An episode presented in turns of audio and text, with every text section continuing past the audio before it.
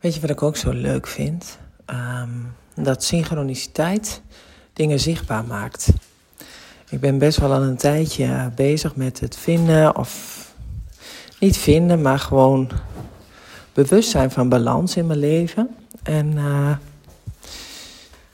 dat ik dus de weegschaal, zeg maar, van uh, inzet en van rust op een gelijk niveau heb. En ik merk dat dus terug in de synchroniciteit, omdat ik al heel erg lang, heel vaak, als ik even op mijn telefoon kijk, of zeg maar om te weten hoe laat het is, dat ik dan bijna altijd gelijke getallen zie. Dus of 11, 11 of 10, 10 of 12, 12 of 14, 14 of 22, 22 of nou, eigenlijk een beetje dat principe dus. En voor mij is dat het signaal dat uh, er vanuit uh, waar dan ook, of het universum, een, um, een berichtje wordt afgegeven van: hey, let je nog even op je balans? dus uh, ja, dat vind ik dan zo grappig. En voor hetzelfde geld is het gewoon vette bullshit.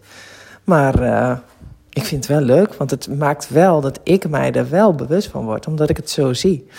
Dus uh, iedere keer als ik dan zo'n dubbel uh, getalletje zie, dan denk ik: oh ja, wacht even. Even weer de balans terug. Mooi toch?